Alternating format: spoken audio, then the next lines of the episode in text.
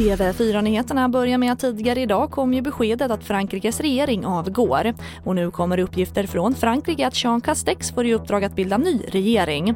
Castex har bland annat varit ansvarig för återöppnandet av Frankrike i samband med coronapandemin.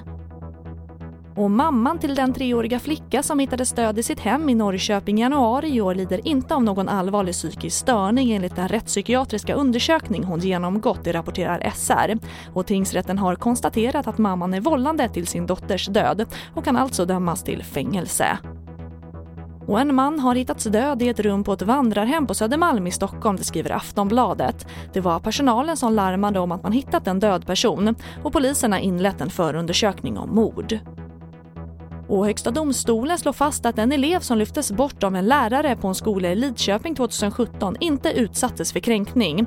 Det innebär att lärarens ingripande att flytta på eleven som blockerade vägen i en rasthall var befogad och att eleven inte kränktes. Och det var det senaste med TV4 Nyheterna. Jag heter Charlotte Hemgren.